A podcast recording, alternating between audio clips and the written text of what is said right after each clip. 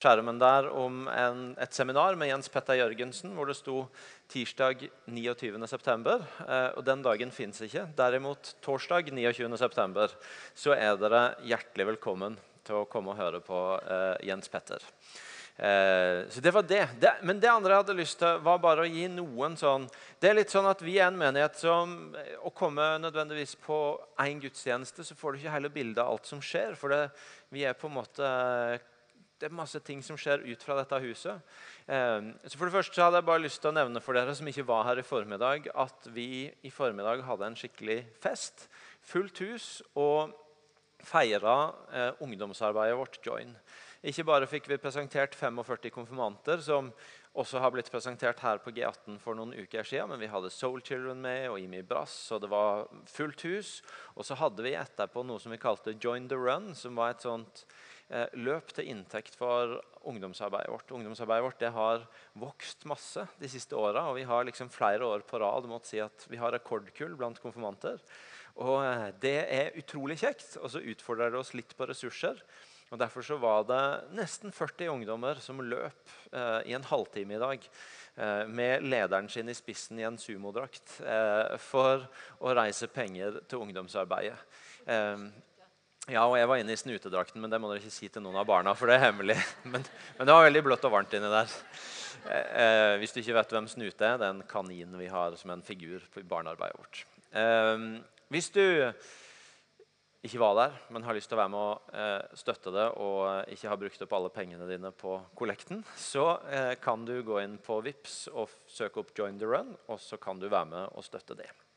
Og så må vi også spole tilbake ei uke. Fordi eh, IMI-kirka er ikke bare IMI her i Stavanger. De siste åra har vi hatt gleden av å sende folk ut for å også starte å plante fellesskap andre steder. Et av de stedene IMI Sandnes de hadde en spesiell søndag sist søndag.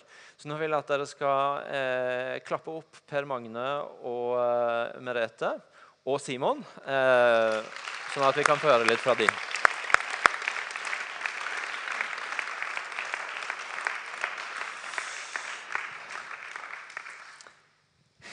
Dere får uh, fordele sjøl hvem som skal si hva her. Men eh, dette, disse er to av teamet i Sandnes.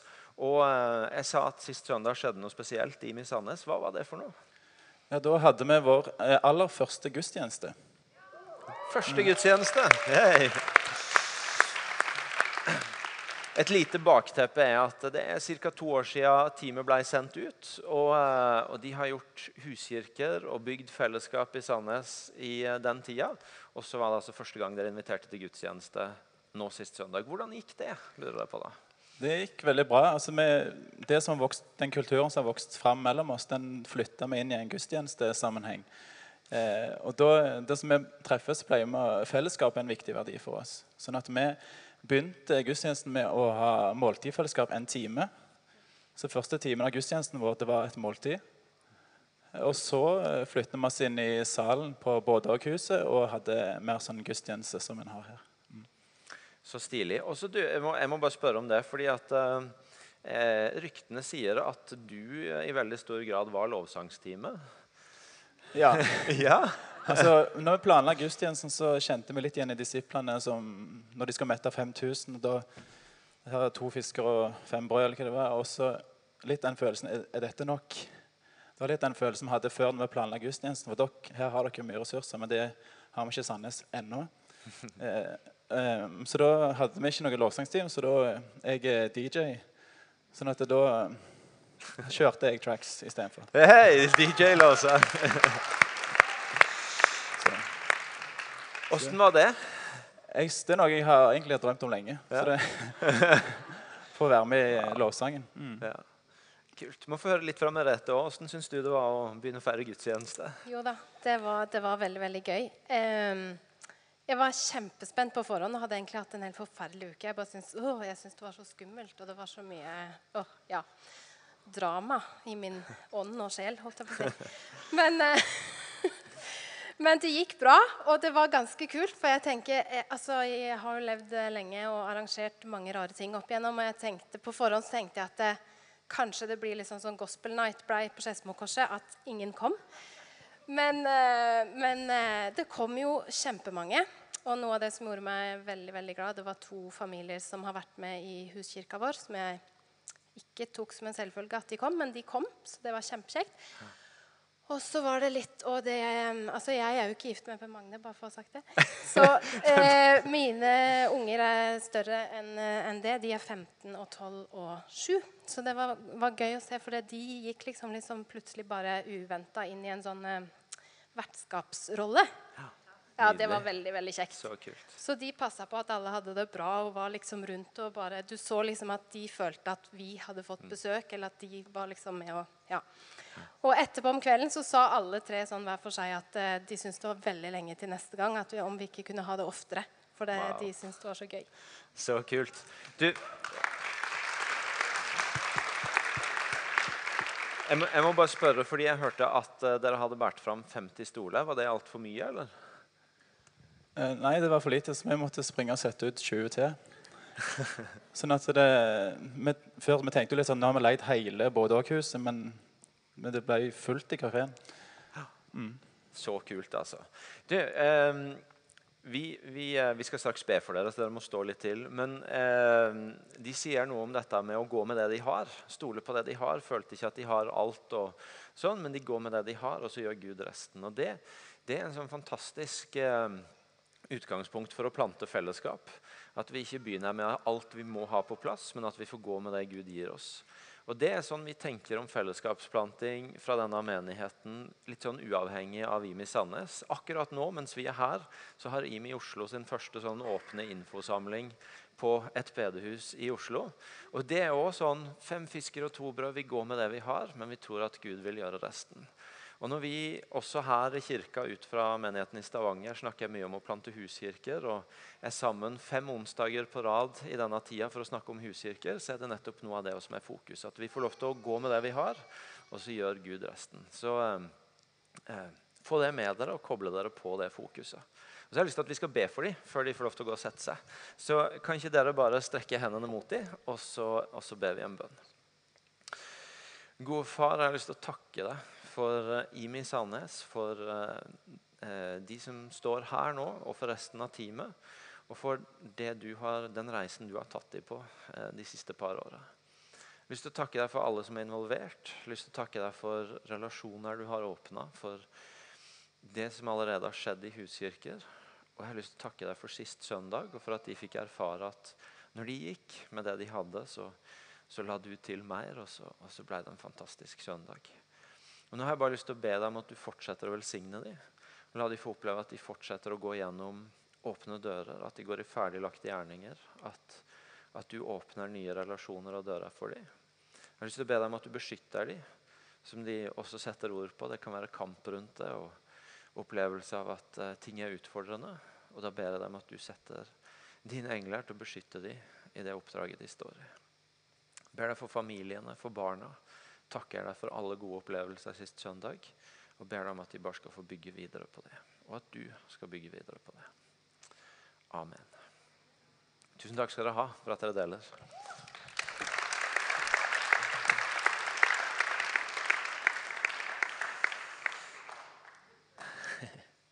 Så bra. Du, eh, sist søndag så starta det som eh, skal være taleserie og fokus i menigheten denne høsten. Vi har kalt den serien 'Å finne veien tilbake til Gud'. Og Solvår talte sist søndag, og åpna det, med en fantastisk tale som hvis du ikke var her, så anbefaler jeg deg å gå inn på eh, nettsidene våre og få sett den eller hørt den.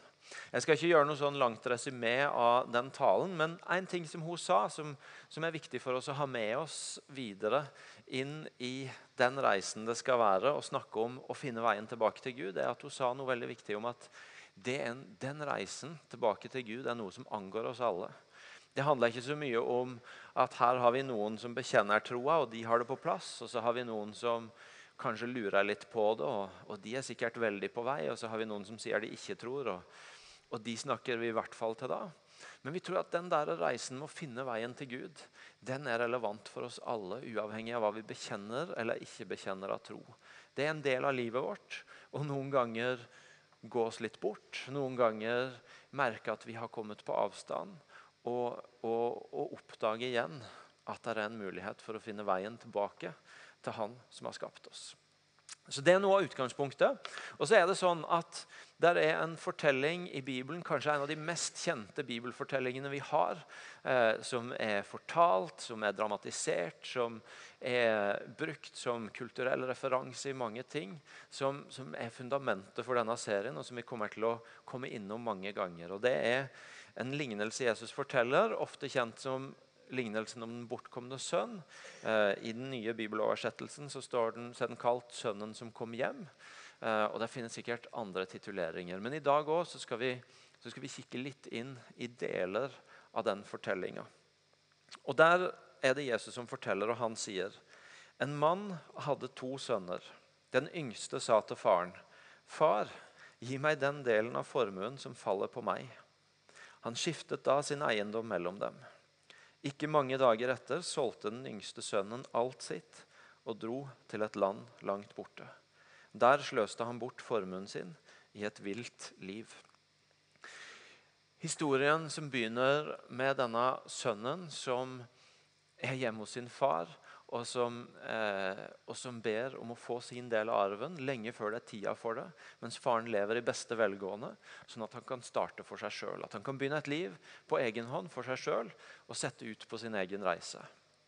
Og For de som har hørt det forkynt over denne lignelsen en del ganger før, vil antagelig ha hørt at det mange ganger er gjort et poeng ut av den enorme fornærmelsen som lå i at en sønn ba sin far om å få arven lenge før tida. I den kulturen som Jesus forteller dette inn i, så var det på linje med å si til faren egentlig at 'jeg skulle ønske du var død', sånn at jeg kan få arven min. Men i dag så er det ikke egentlig det som skal være hovedfokuset vårt når vi, når vi tar tak i starten av lignelsen. Eh, men det er dette her at i i det denne sønnen sier, når han, når han, faktisk går til det steget, enda så alvorlig og fornærmende det kan være, at han, at han spør sin far kan jeg få min del av arven, sånn at jeg kan begynne for meg sjøl, sånn at jeg kan sette ut på egen hånd. Så skjønner vi også at under det så ligger det en, en, eh, et spørsmål, en tanke, et ønske om kan det være at det er noe mer med dette livet enn det jeg så langt har sett og erfart. Kan det være at det finnes noe mer der ute som jeg ennå ikke har sett og opplevd når jeg har levd et trygt og stødig og stabilt liv her hjemme på gården hos min far? Um, og, og, på en måte det er den verden og det er det livet jeg kjenner. Vi aner ut fra det eh, som ellers fortelles her, at det er ikke sånn at denne sønnen hadde en veldig vanskelig og eh, tung oppvekst som han bare måtte rømme fra. For vi vi skjønner at han får en arv som tilsier at antagelig har det vært nok materielt sett. Han har hatt det godt i forhold til det som har med det materielle og ressurser. Og Vi møter også senere i historien en far som både har omsorg og nåde. Så møter han med kjærlighet, som gjør at vi aner at, at det er neppe sånn at han har hatt en forferdelig dårlig far som han bare må komme seg unna heller. Men vi aner egentlig en fyr som, som, som på mange måter har veldig mye bra men som allikevel kjenner på dette spørsmålet har livet noe mer å by på. Er det noe mer der ute som jeg kan få tak i, som jeg kan oppleve, enn det jeg så langt har, har møtt og erfart og kjent? Og Fra tid til annen så, så møter vi sånne historier eh, hvor folk stiller det spørsmålet, også i vår tid og i, i media og i kulturen rundt oss. Jevnlig kan vi høre historier om folk som har, har møtt det spørsmålet, og noen ganske kraftig. Er livet noe mer enn dette her? Og Når det blir fortalt i media rundt oss, så er det gjerne de ganske sånn dramatiske historiene som blir fortalt. Vi kan høre om businessfolk som har virkelig gjort suksess og tjent masse, masse penger. Og så, og så får vi denne historien om at det kom til et punkt hvor de kjente ah, Men var dette alt? Er, er dette lykke å bare ha masse materielle ting? Eller vi kan høre om folk som på andre måter har gjort suksess, kanskje stått foran mange mennesker og fått brukt talentet sitt og, og virkelig oppleve å lykkes, og som allikevel har kommet til et punkt hvor det er dette spørsmålet ja, men Var dette alt? Er det noe mer? Og nå når det var OL, eh, sommer-OL i Rio, så var det en historie som ble fortalt som gjorde inntrykk på flere av oss. Det var historien om Michael Phelps, denne svømmeren som, som hadde gjort en kjempesuksess. så eh, merittert idrettsmann, svømmer. Vunnet gull i allerede da tre forskjellige OL.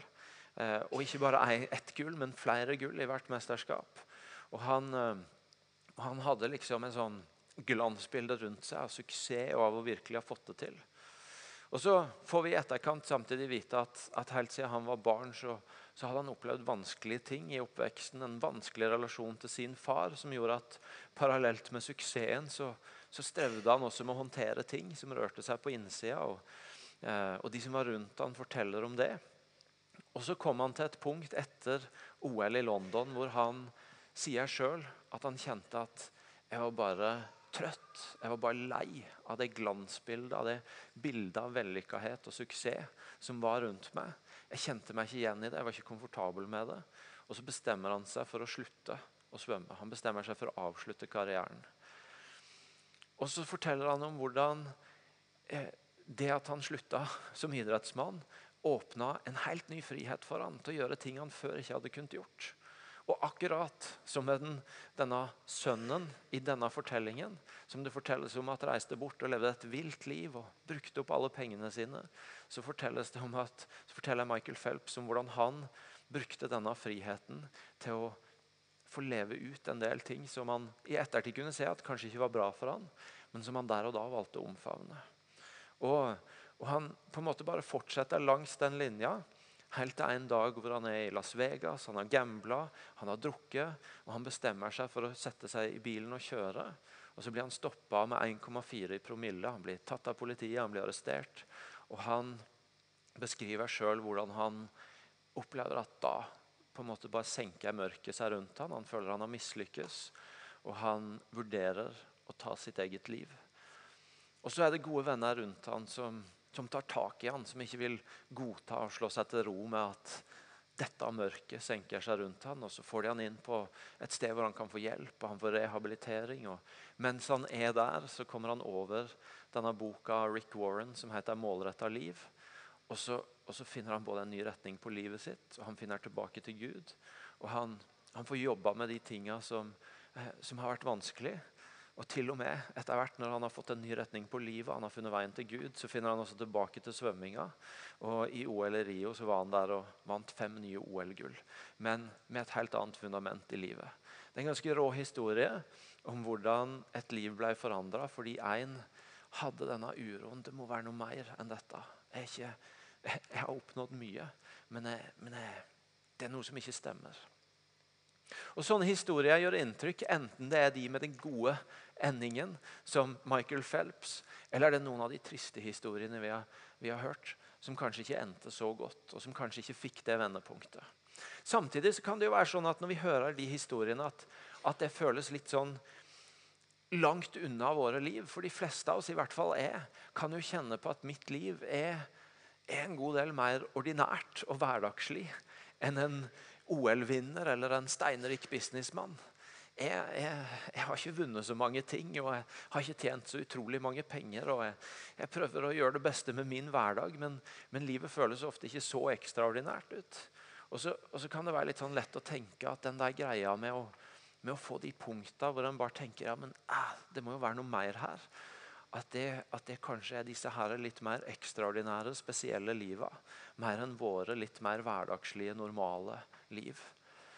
Men hvis vi kjenner etter, så tror jeg egentlig at denne lengselen, dette spørsmålet om det er noe mer, det, det er egentlig noe som, som, ligger der i oss alle. Kanskje kommer vi ikke alle til så dramatiske punkt hvor vi bare helt grunnleggende må stille det. Men de fleste av oss møter det og, og kjenner det på ulike måter og ulike vis i livet som hverdagslig eksempel fra meg er, og jeg vet at noen av dere andre enten er eller har vært i, i den fasen i livet hvor en har små barn. Noen av dere er ikke i det, og, eh, eller er på vei til det en eller annen gang. og Det er bare å glede seg. Men, eh, men er det, og jeg har sant, tre barn fra null til syv. Og, og, det å få være med barna mine og holde på med de og prøve å gi mitt beste inn i de, det er noe av det som virkelig kan gi meg sånne øyeblikk hvor jeg føler dyp mening og takknemlighet og hensikt med livet mitt. Og Det er den ene sida så skal jeg samtidig være ærlig og si at eh, så er det også noen ganger når jeg mikser havregryn i den tusende yoghurten eller gir rakettfart på disse på en lekeplass jeg egentlig ikke har så utrolig lyst til å være på for 500. gang.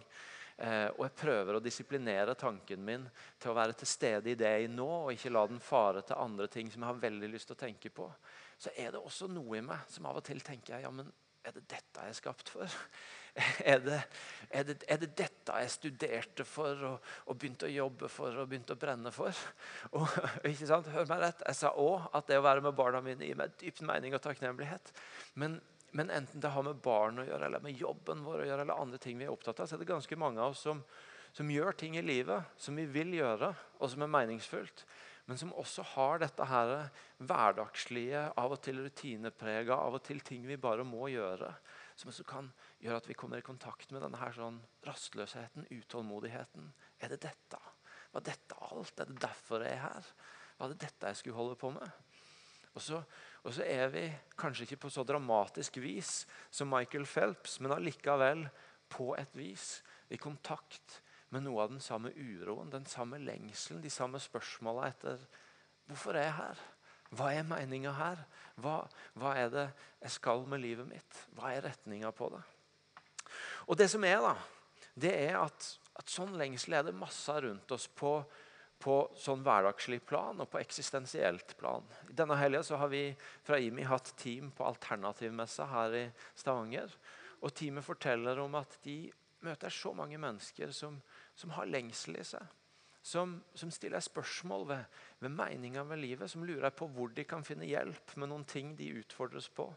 Eh, noen ting som er vanskelige. Og, eh, og, og nå er de der og, og, søker mange forskjellige løsninger som, som, som, er presentert der. Og så Midt i det så har vårt team fått stått og, og presentert et, et, et alternativ som, som, ikke koster penger, og som du ikke må betale for å få en eller annen hjelp, men som bare er der for å snakke med, og for å be for og for å velsigne folk. Og som opplever at de får så mange samtaler og så mange møtepunkter med mennesker som lengter. Lengsel er det mye av rundt oss, og lengsel finnes i oss. Vi stiller på en eller annen måte spørsmålet er det noe mer. Er det noe mer her? Og så er det sånn at det at vi stiller det spørsmålet, det er helt naturlig. Det er veldig menneskelig det er faktisk en del av det å være menneske og kjenne på den lengselen. Det er en kirkefader som heter Augustin, som har sagt til Gud Du, Gud, har skapt oss til deg, og vårt hjerte er urolig inntil det finner sin hvile hos deg. Du, Gud, har skapt oss til deg, og vårt hjerte er urolig inntil det finner sin hvile hos deg. Det er faktisk helt naturlig at det er en uro i oss, at det er en lengsel i oss, at det er en sånn drive i oss.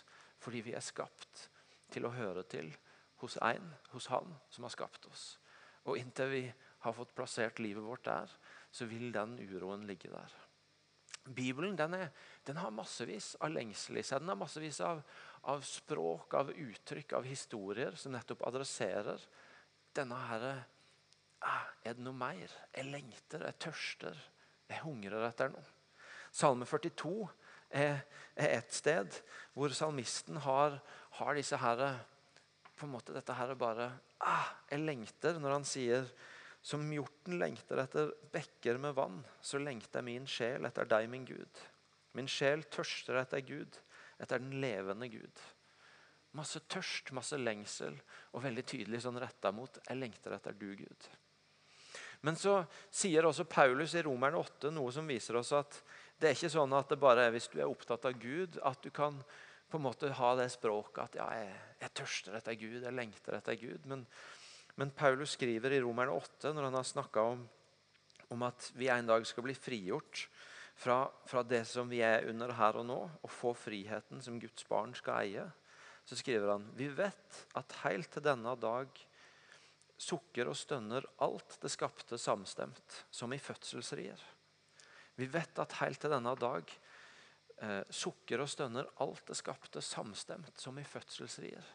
Det er ikke bare noen sånn få litt ekstra åndelig eh, interesserte eller folk som har oppdaga Gud, men, men, alt det skapte bærer dypest sett i seg en sult, en lengsel, et sukk etter dette. Er det noe mer? Hvor kan, jeg, hvor kan min sjel finne hvile? Hvor kan jeg finne svar på noen av de tingene jeg lurer på? Hvor kan jeg finne hvile for det jeg lengter etter? Og Jesus han, han også adresserer menneskers lengsel. I Johannes 1, når han møter de første som skal bli kalt til å være hans disipler, så, så går de rundt der, og, og, de er opptatt av å komme i kontakt med han. og Så snur han seg mot dem og så spør han dem, hva leter dere etter. Og Det er ikke sånn at Jesus på en måte har på en måte tatt dem på et punkt hvor de går og leter i sanda etter et eller annet de kanskje har mista og prøver å finne. Men det Jesus spør om, det er hva er det dere er ute etter? Hva er det dere vil ha med? Hva er det dere tørster etter? Hva er det dere lengter etter? Og Noen kapitler seinere, i, i, Johannes 7, så stiller Jesus seg opp og så sier han Den som tørster, skal komme til meg og drikke. Den som tørster, skal komme til meg og drikke. Jesus anerkjenner at denne tørsten, denne lengselen, en del av det å være menneske. Og Det er faktisk viktig for oss å få tak i. At det å stille spørsmålet er det noe mer. Det å lengte det er ikke, det er ikke et sånn bare for de helt spesielle situasjonene i livet. Det er ikke et galt spørsmål å stille, men det er faktisk et veldig menneskelig spørsmål å stille. Og egentlig så er det mye større grunn til bekymring hvis vi ikke kjenner noe som helst av den driven. Da er det mye større sjanse for at vi har blitt så overmanna av et eller annet her i livet at, at, litt for mye har fått lov til å dø på innsida vår. Hvis ikke vi er i kontakt med noe som, som får oss til å lengte. En veldig klok mann som heter C.S. Lewis han har skrevet et sitat. Jeg har brukt det fra talerstolen her før. Veldig glad i det. Han har skrevet at når vi leser Bibelen når vi leser evangeliene, historien om Jesus og hva de sier, så ser det ikke ut som at vår Herre syns våre lengsler er for sterke, men at de er for svake. Vi er halvhjerta skapninger som roter rundt med drikke, sex og ambisjoner når evig lykke tilbys oss. Vi sier oss altfor lett fornøyde. Våre lengsler er ikke for sterke, men for svake. Vi sier oss for lett fornøyde. Så spørsmålet er ikke om det er naturlig eller rett å lengte. Det, det, å ha en lengsel, det å stille spørsmålet er det noe mer. Det er en del av det å være menneske. Spørsmålet er hvor tar denne lengselen oss? Hvilken retning har den? I Salme 42 så er det en som lengter etter Gud, og som skriver at 'min sjel lengter etter du, Gud', og på en måte bare, bare går i den retninga. I historien i Lukas 15, som vi begynte med, så står det at denne sønnen han, han brøyt opp. Og så dro han til et sted langt borte, og der sløste han bort formuen sin i et vilt liv. Det er to veldig forskjellige retninger. Eh, to veldig forskjellige retninger på livet. To veldig forskjellige retninger lengselen kan ta oss. Spørsmålet er ikke om vi lengter. Spørsmålet er ikke om det er rett eller galt å lengte. Men spørsmålet er hvor tar denne uroen, denne lengselen, dette spørsmålet om er det noe mer ved livet, hvilken retning får det ta oss i? For det kan ta oss i en god retning, som tar oss til et godt sted. Og det kan ta oss i en retning som ikke uten videre tar oss til det beste stedet. Ordspråkene 4.23 sier 'bevar ditt hjerte framfor alt du bevarer', for livet ditt går ut fra det. Bevar det stedet som lengslene dine kommer fra, for, for der kommer livet. Det har noe å si hvilken retning det du lengter etter, det du hungrer etter, det du tørster etter, tar deg. Og sånn er det at noen ganger så tar våre lengsler oss feil plasser. Vi gir noen sånn eh, Eh, eller, eller, forresten, La oss ikke begynne der, men, men la meg illustrere det med, med, med, noe jeg så på Skavlan på fredag. Der var Aksel Hennie en av gjestene. Utrolig flink, merittert, suksessrik skuespiller. Eh, som, eh, som, som, var der. Og så hadde de, som de ofte gjør på sånne programmer, så hadde de gravd i historien hans. ikke sant? Og så hadde de funnet fram et gammelt bilde av han som 14-åring, eller noe sånt, tror jeg det var. Hvor han var blitt ferska og tatt av politiet fordi han hadde vært ute og tagga og holdt på med graffiti. Og så, eh, når han liksom hadde fått fnist og rødma ferdig over synet av seg sjøl som 14-åring, og åssen det så ut, så, så, så, sa han noe som var veldig interessant. For han sa at eh, egentlig så var det utrolig rart at jeg endte opp på et sted hvor, hvor jeg hadde gjort noe kriminelt og ble tatt av politiet. Fordi jeg hadde et fantastisk hjem. Masse kjærlighet og omsorg. Også masse tydelige rammer og ganske strengt. Og, og, så jeg var både elska og trygg, og jeg visste hva som var rett og galt. Men så hadde jeg denne kraften inni meg til å uttrykke meg, som bare måtte ut. Og så, og så var det stedet jeg fant å uttrykke meg på, det var i graffiti. Det var i å tagge. Og når jeg ble tatt, når politiet tok meg, skjønte oi, nå har jeg gjort noe kriminelt, så, så var det tid for å sånn, for å sette seg ned og ta litt telling og finne ut oi, denne kraften til å uttrykke seg har tatt meg feil sted. Og så måtte, sier han at så måtte, så måtte, jeg lære meg, jeg måtte finne en ny retning for hvordan jeg kunne uttrykke det trøkket som var inni meg, som måtte ut. Og Så fant han etter hvert retninga med skuespill, som verken er kriminelt eller farlig, men som tvert imot han har lykkes utrolig godt med. Poenget er den driven vi har inni oss, den lengselen, den kraften, kan ta oss gode steder og dårlige steder. Noen sånn helt hverdagslige eksempler eh, for min egen del, bare for å illustrere det. ikke sant? Jeg, jeg er ganske introvert. Jeg kan bli trøtt av mennesker. Uh, og Noen ganger når det koker og jeg syns det er, liksom, er, for mye, så, så, så tar jeg meg sjøl i å være litt sånn på rømmen. Jeg er på flukt fra folk og, og vil bare komme, komme for meg sjøl og være i fred. Og så er det noen ganger når jeg har klart å rømme da, og kommet for meg sjøl og bare er aleine, så sitter jeg og tenker jeg, ja, men det var jo ikke dette jeg trengte. Det var ikke dette jeg ville. og så skjønner jeg at å ja, nei, Egentlig så hadde jeg jo lyst til å være med noen jeg var trygg på. og Kunne få puste ut med å roe ned med å være meg sjøl og dele. Men, men, men, jeg kjente noe inni meg som ikke var godt. Og så, og så ble det omsatt til en, til en, drive, til en retning, som ikke uten videre var det jeg trengte. Jeg, noen ganger når hodet mitt koker og det er masse greier, og jeg kjenner at nå må jeg bare koble ut, og så, og så, og så tar jeg noen timer og bare ser på en serie. og Hør meg rett, det er ingenting galt med å se på serier. Men så er det noen ganger når jeg har gjort det, så sitter jeg og tenker ja, men det var jo ikke dette jeg trengte. Det, jo, det jeg trengte, var jo liksom gi hodet, la hodet forkjøle seg litt ned. Ikke følge det opp med enda mer. Jeg er utrolig glad i, i lakris. Elsker jeg lakris. Noen ganger når det bare er masse greier, og jeg syns at nå, nå, trengte jeg et eller annet for å liksom unne meg sjøl litt, så bare mater jeg på med lakris. Og så sitter jeg etterpå og tenker jeg, Nei, det var jo ikke dette jeg trengte. tenkte kanskje å gå en tur og få litt frisk luft. Eller. Poenget er ikke at det er noe galt med litt tid alene, serier eller lakris, men bare å illustrere at det ikke alltid har jeg lært at det jeg føler jeg trenger, er det jeg trenger.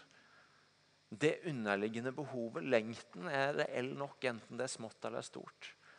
Men det er ikke alltid at det jeg umiddelbart kjenner retninga på, er det jeg trenger.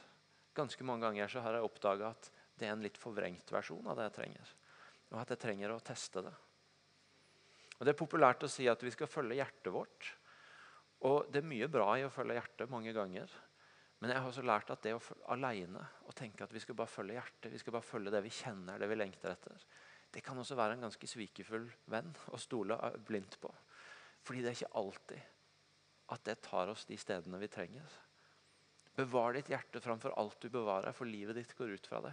Følg hjertet ditt, men sørg for å justere hjertet ditt i møte med Gud og rundt andre mennesker, sånn at det får lov til å ta deg i rett retning, og ikke i en retning som ikke er god for deg. Denne sønnen han endte til slutt opp. Han, han hadde en lengsel som, var helt, som ikke var så unaturlig. Er det noe mer? Har livet noe mer å by på? Men du fikk lov til å ta han i en retning som ikke var så god for han og som gjør at han til slutt endte opp med å ha mista alle pengene, ha mista alle vennene og spise grisemat. Og Det var ikke et godt sted for han å være. Det var ikke et, eh, Lengselen hans hadde ikke tatt han et godt sted. Og Noen ganger er det sånn for oss også.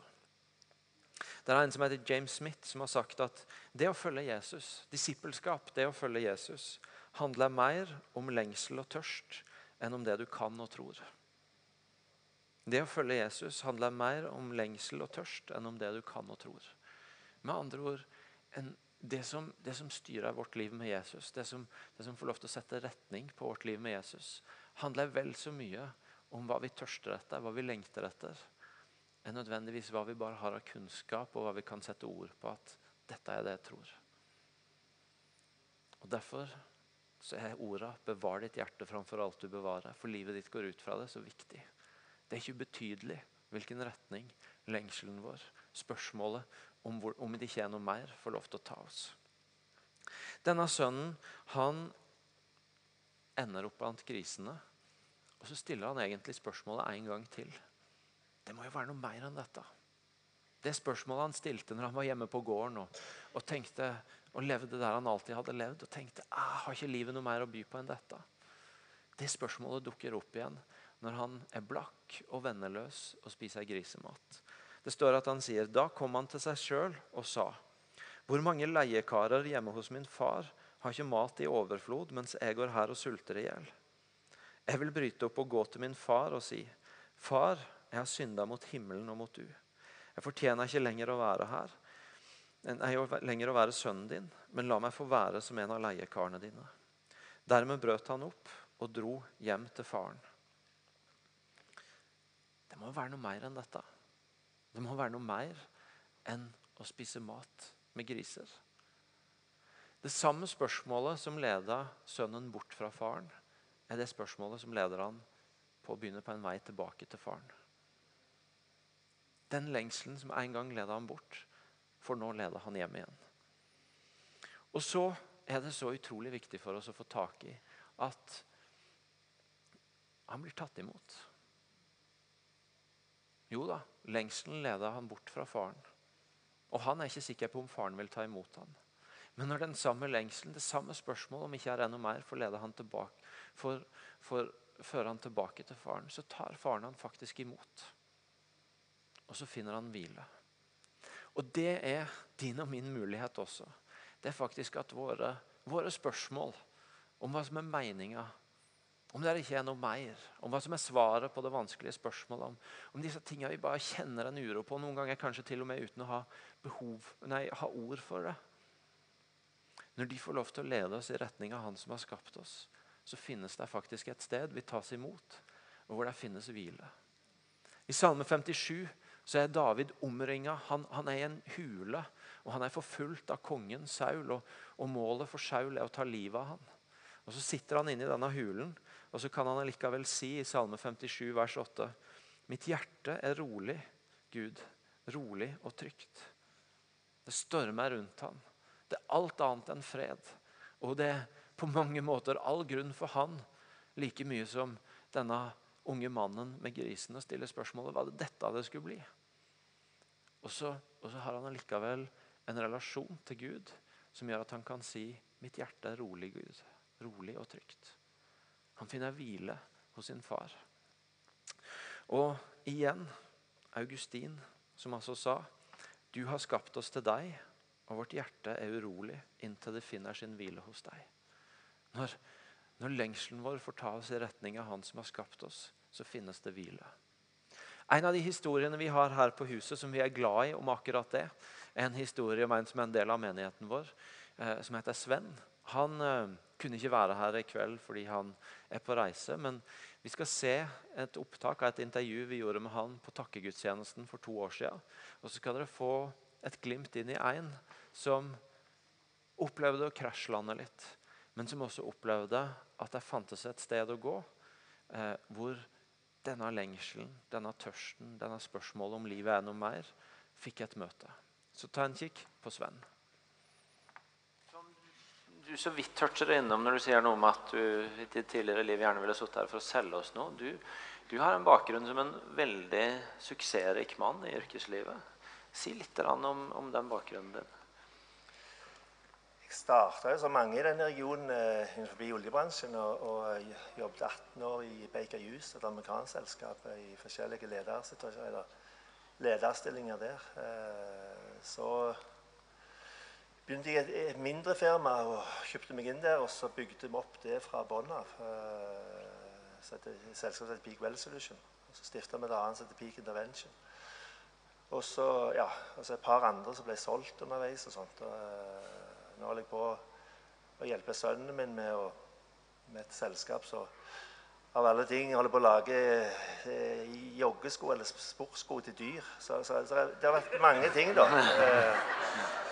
Det har ikke mangla på, på ideer. Og, og, faktisk har vi fått til ganske mange ting òg. Og alle disse selskapene skal jeg si nå, de, har, de lever i beste velgående. sånn at det, det, heldigvis går det veldig bra uten meg. det er veldig bra, Sven. Eh, men det er jo også sånn, for du har virkelig lykkes. Det var flere som kom til meg etter i formiddag og sa at Sven var jo selve guruen når, når vi begynte i oljebransjen. Eh, når en er høyt oppe, så kan også fallet bli ganske stort. Og du har opplevd at det, det rakna skikkelig. Hva, hva, var det som skjedde? Eh, det var mange ting. Eh, det, det jeg, jeg starta jo yrkeskarrieren min med, med, med, en del eh, ting i ballast, eller en del i ryggsekken. Jeg eh, kom fra militæret og hadde skader, så jeg gikk på krykker. og, og og så hadde jeg en traumatisert oppvekst, sånn at, jeg, eh, at ble liksom Jeg fikk eh, medisiner den gangen liksom, for å, å, hjelpe mot mye av den frykt og masse sånne greier som jeg hadde da. Eh, og så var det sånn at det skjedde veldig sånn over, over tid. Jeg oppdaget ikke liksom, og fikk ikke det med meg. Liksom, men det oppdaget, ble oppstod en avhengighet til disse medisinene som jeg ikke ja, som jeg ikke det, det bare skjedde liksom over tid. Eh, og i slutten så så styrte medisinene meg. Eh, og, og, og, det ble liksom svartere og svartere, dette hullet som jeg var, følte jeg var i. da. Så jeg var så fysisk ødelagt av abstinenser og sånn at jeg eh, gikk på krykker i slutten. Jeg, jeg, eh, jeg, jeg mista hele meningen med å leve. liksom. Jeg hadde et svart hull som, som, var så svart at jeg, jeg så liksom ikke noe vits med dette greiene her. Det var liksom det. Så, så, så, for meg så var det et ufattelig fall, for å si det sånn. Men, men det lå liksom inni meg. Jeg hadde liksom Den redselen hadde jeg båret på hele veien. Så, så, det var liksom det som, eh, som på en måte til slutt uh, gjorde at hullet ble så svart og hullet ble så stort. Men i dag sitter du her. No, noe har skjedd. Noe har vendt seg igjen andre veien. Hva, hva er det som har skjedd? Nei, så det er jo For meg så, så, sagt, så var det en lang vei. for at jeg jeg, eh, ja, jeg, fikk et tegn på at jeg måtte gjøre et eller annet annet enn det jeg gjorde. Så jeg reiste en plass liksom, jeg fikk eh, hjelp til også, på en måte, å, å kvitte meg med, med, disse medikamentene. Eh, og, og, det var det viktige. Det, det, som jeg på en måte lærte, det var viktig å finne noe annet enn meg sjøl. det var liksom det på en måte som ble sagt. Liksom, sånn. Og for meg ble dette en prosess da, som, som så jeg forsto jo at eh, på en måte min egen utilstrekkelighet altså den, den, skjønte jeg veldig godt. at Det var, det var det store mangler. Eh, så var det å finne dette andre. da. Eh, jeg hadde en mor som, en, eh, som, var religiøs og hadde et veldig godt forhold til, til sin Gud. Hadde en far som var en grubler og liksom aldri fant ut av det. kan jeg si. Det, men, men, men, jeg begynte liksom å be. da. Jeg begynte å be. Det var liksom det som var begynnelsen. Men, men for meg var det ikke noe sånn det var ikke noe sånn plutselig som jeg plutselig nå kjente jeg at hele verden var forandra. Det, det, her har skjedd over tid. da, eh, Så jeg har fått hjelp underveis til, også, til å se ting på en annen måte. og lære, på, leve, lære, å leve på en annen måte. Det liksom har skjedd over tid. Den endringen som jeg føler sjøl eh, jeg er en del av. Du, eh, du, fortalte i formiddag at det er ca. to og et halvt år siden du, du begynte i behandling og, og, og ble, begynte å bli fri fra, fra avhengighet. Og så er det et drøyt år siden vi begynte å bli kjent med deg her i kirka. Du er en del av et fellesskap her som heter Gathering, og som samles på onsdagene. En fantastisk gruppe menn. Og vi ser deg, du er også trofast med i gudstjenestelivet her. Hva, hva, har det betydd for deg å komme inn i denne menigheten og, eh, og møte livet med Gud her? Det er liksom eh, Jeg husker jeg kom med, jeg var sånn, skikkelig sånn skadeskutt. Jeg var nesten med Linn som fugleunge som kom inn her. Og, jeg var uvanvittig redd liksom, da jeg kom inn. Eh, nesten samme hvor jeg var. Men, men, jeg var på gudstjeneste de fire første gangene så var det snakk om tilgivelse. og Jeg forsto liksom det med kors og sånn. Men, men, for meg, jeg gikk grinende hjem alle de fire gangene. For, for, for meg liksom, det var noe med det med, med det livet jeg hadde levd. Jeg hadde forsømt eh, unger, jeg hadde forsømt eh, alle disse nære tingene. Så, så jeg, jeg um, ja, det var, det var, For meg var det en prosess da, som på en måte begynner å, å tro at det var det. Eh, det var faktisk det. Eh, og det gikk an å leve videre. da. Eh, og jeg, jeg, fikk med meg Jeg ser det nå, da. Jeg så det ikke den gangen der. Men, men, men nå ser jo jeg det, det som jeg måtte oppfatte her, det var kjærlighet. Det var kjærlighet til, Eh, og, og, det var for meg eh, Det var nytt for meg. Jeg hadde liksom, denne delen der hadde jeg, Det har vært en sånn traumatiserte frykt inni meg som, så jeg ikke følt det før. Eh, og, og, det var liksom, det var nok det jeg følte. da, Derfor kom jeg tilbake igjen. Jeg følte det var det her i dette rommet. det var da var det i denne bygningen da var det blant disse folk. Altså, jeg følte meg velkommen. Og, og både på gatheringen og Jeg møtte en toleranse som jeg, måte, jeg følte at det jeg ble godtatt for den jeg var. For jeg hadde ikke noe å tilføre. Jeg hadde liksom, jeg tok imot. Jeg hadde ikke noe, jeg hadde ikke noe å tilføre. som sagt. Jeg, jeg, jeg, liksom, ja, jeg fikk hjelp til det meste, da, og, og, og jeg, jeg, kom tilbake. og ja, Jeg fikk hjelp ikke, jeg har ikke fått tillatelse av Per til å si dette, da, men, men, jeg fikk hjelp av en som heter Per inn i menigheten her, som, som hjalp meg med å lese i Bibelen. Eh, for Jeg, jeg prøvde selv å lese Bibelen, men det var som å lese et styremøtereferat eller noe sånt. Jeg, jeg skjønte ikke bedre av det. Det var liksom